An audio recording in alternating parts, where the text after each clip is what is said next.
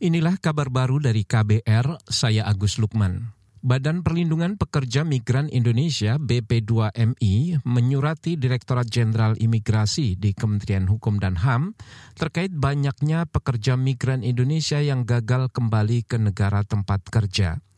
Kepala BP2MI Beni Ramdhani mengatakan para pekerja migran itu tertahan di bandara karena tidak bisa menunjukkan kartu tenaga kerja luar negeri elektronik atau IKTKLN.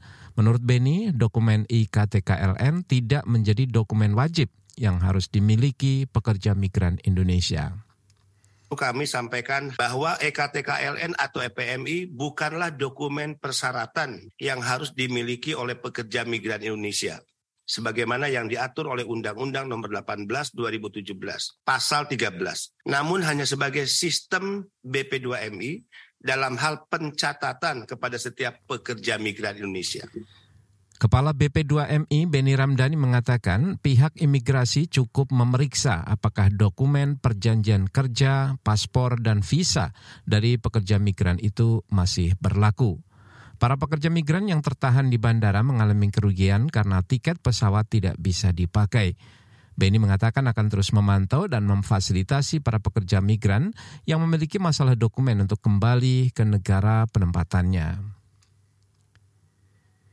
Kita ke Jawa Timur, pemerintah kota Kediri menemukan indikasi penyelewengan penyaluran gas LPG subsidi ukuran 3 kilogram. Temuan itu muncul setelah tim gabungan pemerintah daerah dan Hiswana Migas melakukan inspeksi mendadak ke sejumlah pangkalan.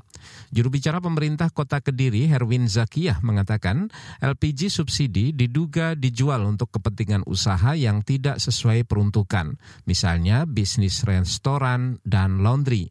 Akibatnya banyak warga mengeluh sulit mendapat tabung gas bersubsidi dalam beberapa hari terakhir perlu kami tegaskan tadi dari perekonomian juga e, mendapat surat dari provinsi. Insya Allah nanti kalau nggak tanggal 2 atau tinggal 3 Agustus akan ada sidak lagi terkait uh, hotel, restoran, kafe, horeca itu mereka kan tidak berhak menggunakan uh, eh, LPG melon. Sem, uh, indikasinya kenapa kelangkaan itu banyak usaha seperti horeca dan laundry itu yang menggunakan LPG. Nah mereka harusnya kan beralih ke tabung 12 kilo. Juru bicara pemerintah kota Kediri Herwin Zakiyah memastikan stok gas LPG ukuran 3 kg di daerahnya aman. Hanya saja ada pengiriman pasokan tersendat. Herwin meminta masyarakat tidak panik karena setiap pangkalan rata-rata masih mendapat pasokan 100 tabung gas LPG melon per hari. Di kota Kediri setidaknya ada 400-an pangkalan gas LPG.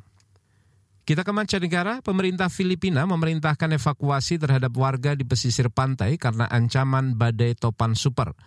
Dikutip dari AFP, badai topan super bernama Doksuri ini diperkirakan berkecepatan 185 km per jam dan bergerak ke kawasan ujung utara Pulau Utama Luzon hari ini.